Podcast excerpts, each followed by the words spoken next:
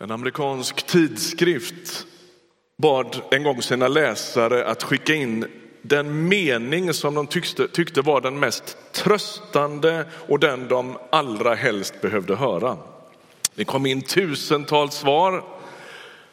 Men de tre som hamnade högst upp, det var följande.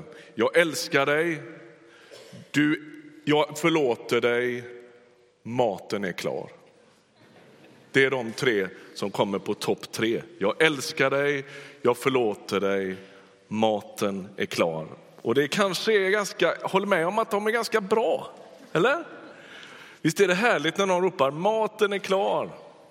Det är fint. Det kommer det handla om nu. Vi kommer att ha en serie som Eva-Marie sa inledningsvis på sju söndagar när vi funderar över vad det innebär att bordet måltiden och festen är så centrala begrepp i Nya testamentet, både gamla och nya testamentet faktiskt. Där man gång på gång kommer tillbaka till detta och det blir extra tydligt i Jesu liv. I samband med att Jesus gick in i påskfirandet, för dig som är ovan kyrkbesökare eller ovan bibelläsare så kulminerar hela Jesusberättelsen. Den berättas av fyra stycken eh, berättare som kallas för evangelisterna i Nya Testamentet. Matteus, Markus, Lukas och Johannes. Och alla fyra lägger en stor vikt på den där sista veckans händelser när Jesus går in i den judiska påskhögtiden. Och det blir inte bättre, höll jag på att säga, än att han, det var dumt sagt, jag tar tillbaka det direkt. Han dör och så småningom uppstår Jesus från de döda. Och det här ägnar de här berättarna väl, proportionerligt sett mycket tid åt.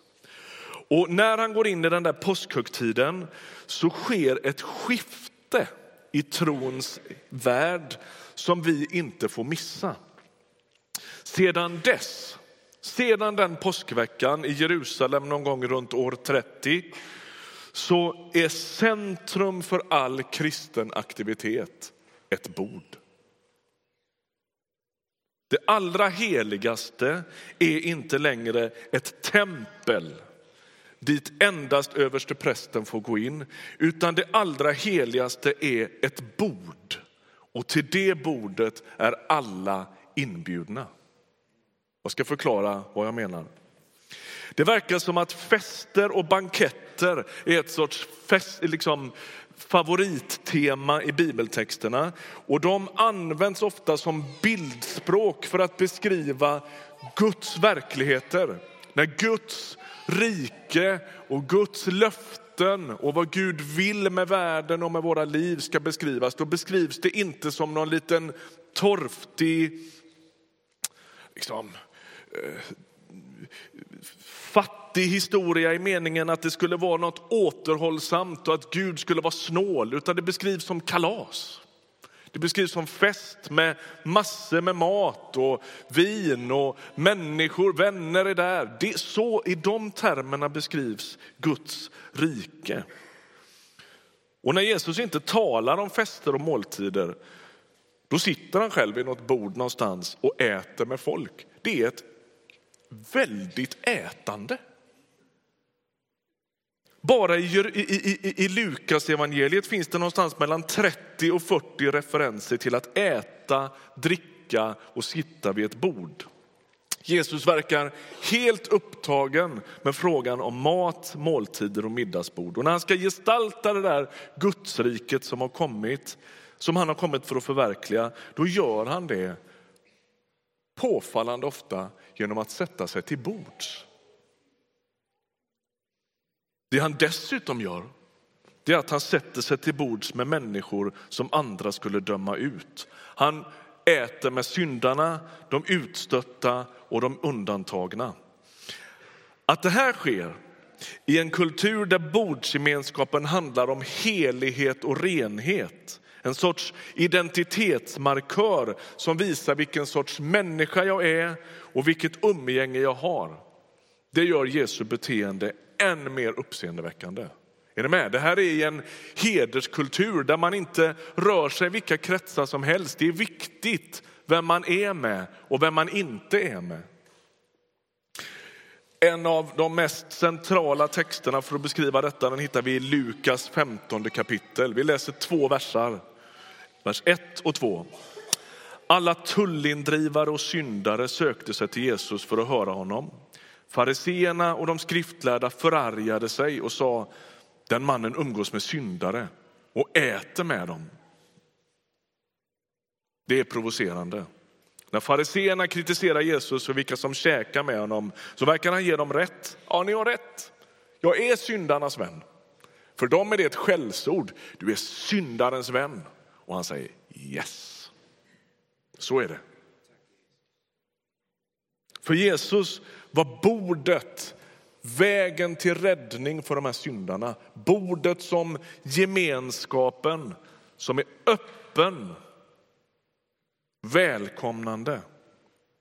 Det är som att Jesus centrerar räddningen som han har kommit för att liksom, presentera för mänskligheten, inte till ett tempel utan till ett bord. Notera vad som händer under sista veckan, den här dramatiska påskveckan. Han välter omkull växelkontorens bord i templet. Och istället dukar han ett festbord för de som inte får vara i templet. Missa inte det. Det finns en stark poäng i det. Innan Jesus, före Jesu tid, så var den judiska tanken om helighet att heligheten, renheten, rör sig i en sorts koncentriska cirklar. Ju närmare det, all, det allra heligaste man kom i templet, desto färre fick vara med. Israels land, det var Guds land i världen. Först har du världen va? och så smalnar vi ner det till Israels land, ett jättelitet land. Stort som Småland ungefär. Och I Israel finns den heliga staden Jerusalem. Och I Jerusalem finns det heliga templet. Och i templet fanns ökande nivåer av helighet. Och med den, de nivåerna, den ökningen, en allt större begränsning om vem som fick vara med. Ju närmare man kom, desto färre blev det. Det fanns en gård för endast judar, där hedningarna, alltså icke-judarna, var förbjudna att vistas. Det finns en gård för endast män där kvinnorna var förbjudna att vistas. Det finns en för endast präster där lekmännen inte fick vara. Och längst in fanns det allra heligaste dit, dit endast översteprästen fick gå och han fick endast gå dit en gång om året. Är ni med på bilden? Templet blir i en mening något exkluderande.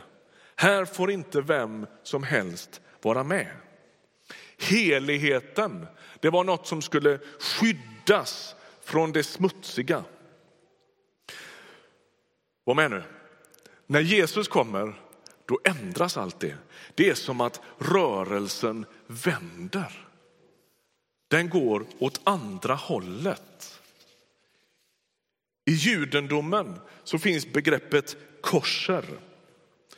Det används som mat eller föremål som är godkända. Om det är korser så är det rent och godkänt.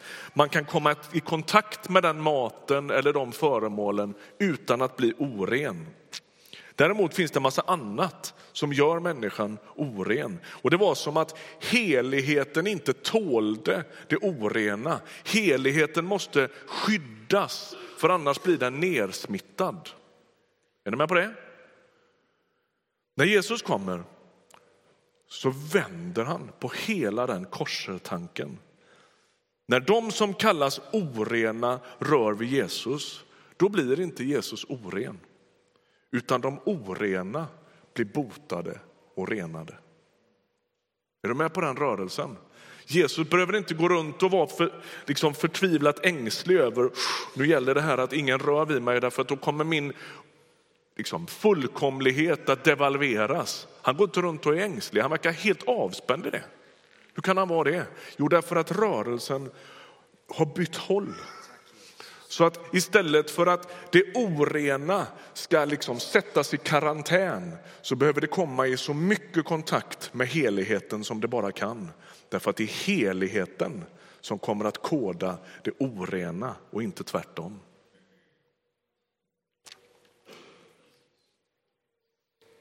När Jesus vandrar på jorden så får därför de kantstötta, de utstötta, de misstänkliggjorda tillträde till det allra heligaste, nämligen matbordet där Jesus sitter. Det är som att Gud väljer en ny väg i och med Jesus. Och den, är, den har mycket mer med tillgänglighet än med otillgänglighet att göra. Den har mycket mer med inklusivitet än exklusivitet att göra. I många kulturer så är själva begreppet familj definierat som de som äter tillsammans. Och det är det som är grejen.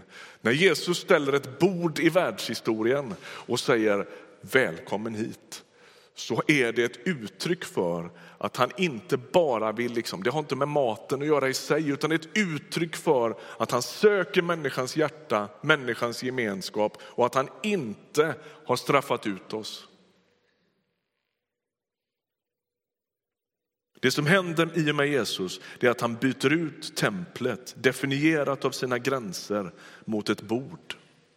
Han liksom placerar det där bordet i världshistorien och är beredd att dela det med vem som helst som vill.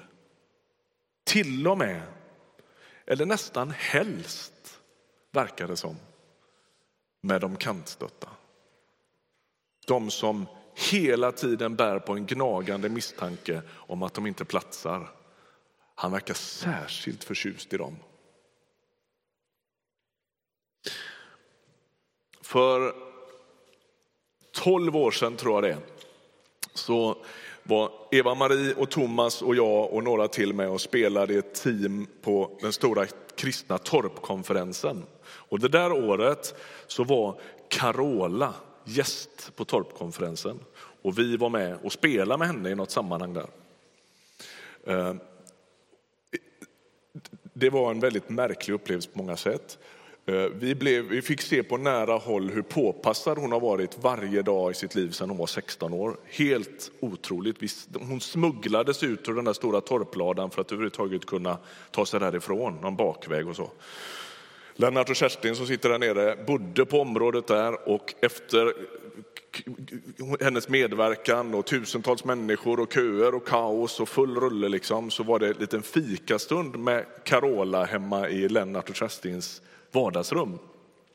Vi hade två, våra två barn var 9 och 12 år då och vi ringde på dem och då kan man liksom inte säga i telefon när de är ute och leker någonstans på lekplatsen, om ni kommer får ni träffa Carola.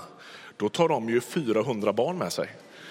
Det går inte, utan vi bara säger ni måste komma hit, eh, vi ska äta kvällsmat hos Lennart och Kerstin. Och de bara gnisslar lite. Eh, så här. Och så kommer de in och så sitter Carola i soffan. Och så får de vara med på den grejen. Och jag kommer aldrig glömma liksom, våran tjej som är 12 år när hon bara inser att hon ska fika med Carola. Och så sitter hon där i soffan och liksom tittar på oss och tittar på henne och tycker det här är superspännande. Det tyckte vi också lite. och så fikar vi där och så går Jonna ut i köket hos Lennart och Kerstin efter en ny rostad macka. Då ropar Carola efter henne. Jonna, kan inte du ta en rostad macka till mig också? Fattar ni? En liten tjej på 12 år, hon var ju bara, hon kan ju, vi kan fortfarande skoja lite om det när hon är på tv. Henne har jag rostat en macka åt, säger hon då. Vet du, det är det perspektivet som äger rum här. Va? Det, det där perfekta, lite distanserade, retuscherade, sminkade, tv-mässiga, eh, världsberömda sitter plötsligt i soffan och äter rostad macka med mig. Det är vad som händer när Jesus kommer. Vi äter ihop. Och så överbryggar han distansen och så blir det något annat. liksom. Tänk dig den här känslan, den är liksom helt overklig. Hur kan något bli mer heligt än att man sitter och doppar bröd i samma skål som Gud själv? Han överbryggar alla distanser. Och när Jesus sista kvällen med lärjungarna introducerar nattvarden, bordets gemenskap, då säger han Att han ska inte dricka vin med dem förrän den dag då jag dricker det nya vinet med er i min faders rike. Ni som är lite vana bibelläsare känner igen det där. Han säger till dem, han instiftar nattvarden, alltså introducerar den. Påsk, skärtorsdagskväll i påskveckan. Och säger att nu kommer inte jag dricka, och eh, dricka det här vinet förrän jag, min faders rike kommer. Och så liksom skickar han ut dem i världen att de ska fortsätta att dela den där måltiden. Det ska vi göra alldeles om en stund. Men lyssna vad det står sen. Efter sin död uppståndelse verkar han väldigt ivrig att göra just det. Att äta och dricka med lärjungarna. Petrus beskriver det så här. Apostlagärningarnas tionde kapitel. Det är en intressant text. Det är första gången evangeliet når människor som är av icke-judisk börd. Och det har med det här att göra. Att de eh, har upptäckt hur evangeliet korsar de här gränserna, hur Guds rike inte är så exklusivt som de först har trott. Och så står det i vers 39, han säger så här när han har fått berätta om Jesus för Cornelius och hans hus säger Petrus. Vi kan vittna om allt han gjorde, både på den judeiska landsbygden och i Jerusalem. Honom hängde de upp på en träpåle och dödade. Men Gud uppväckte honom på tredje dagen och lät honom visa sig, inte för hela folket, utan för vittnen som Gud i förväg hade utvalt, nämligen för oss som åt och drack med honom efter hans uppståndelse från de döda. Det är som att, alltså när Jesus har uppstått från de döda då skulle man kunna tänka sig att han skulle vilja gå, åka till Rom, åka, gå, förflytta sig till Rom och bara knäppa Caesar på näsan. Det är jag som bestämmer.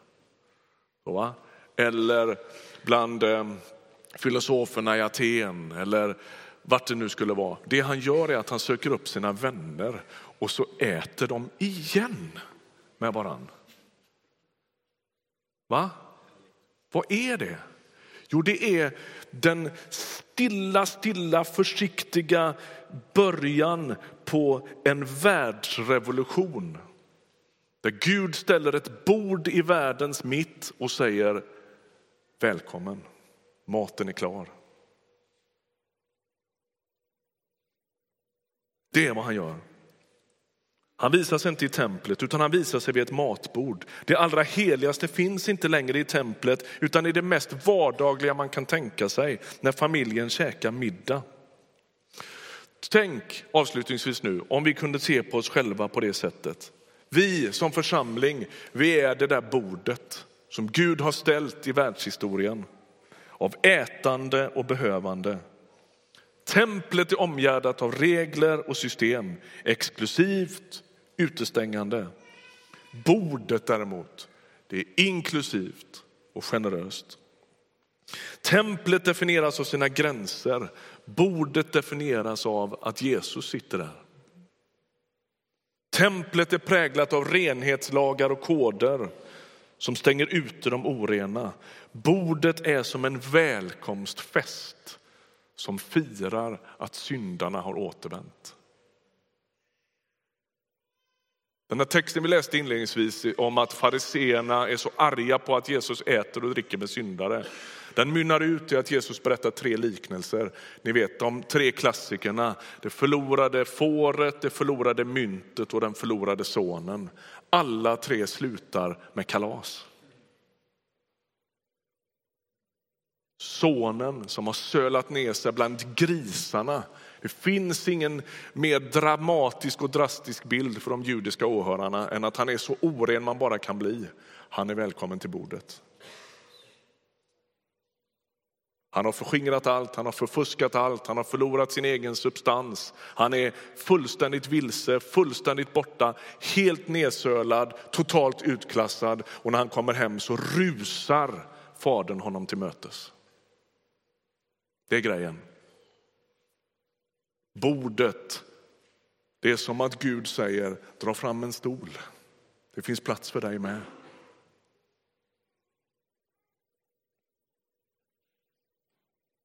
Istället för en religiositet som stämplar de utomstående som orena och utklassade så ställer Jesus ett bord i historien mitt i församlingen och säger kom och sitt med oss.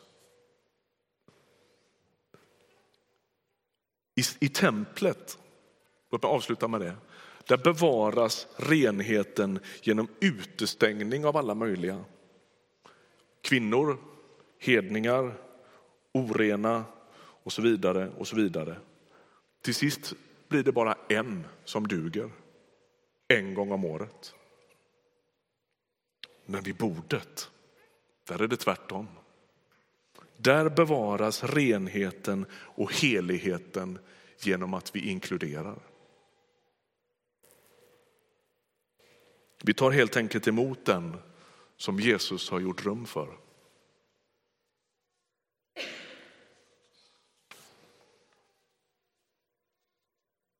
Varje söndag den här gudstjänstserien kommer vi att fira nattvard tillsammans.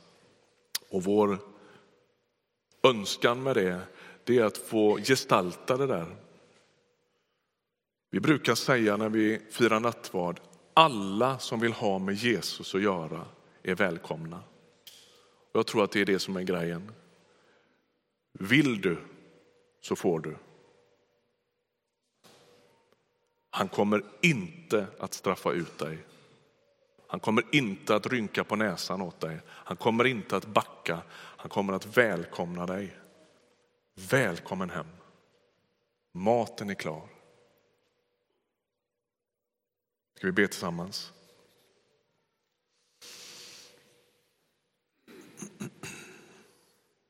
Jesus Kristus, vi tackar dig för att du är så järv. Att du inte går runt och drivs av fruktan och ängslighet. Där du börjar att klassificera världen så liksom, som andra gör. Utan tack att du kommer så avspänt. Tack att du har rört dig i både maktens korridorer och bland gatflickorna med samma självklarhet. Herre, vi ser upp till dig för det. Vi tackar dig för det. Vi ber att du skulle prägla vår församling med just det. Jag vill be för den som sitter i kyrkan här idag och är högst tveksam till om man får plats. Jag ber att du skulle föda tro i den människans hjärta att du inte klassar ut dem och att vi inte heller vill det. Tack för ditt bord. Tack för din värme. Tack för din, ditt välkomnande. Tack för att vi inte behöver kvala in. Tack att vi får komma med våran längtan, våra segrar och våra sprickor och veta att du inte skjuter bort oss. Tack att du hör när vi ber. I Jesu namn.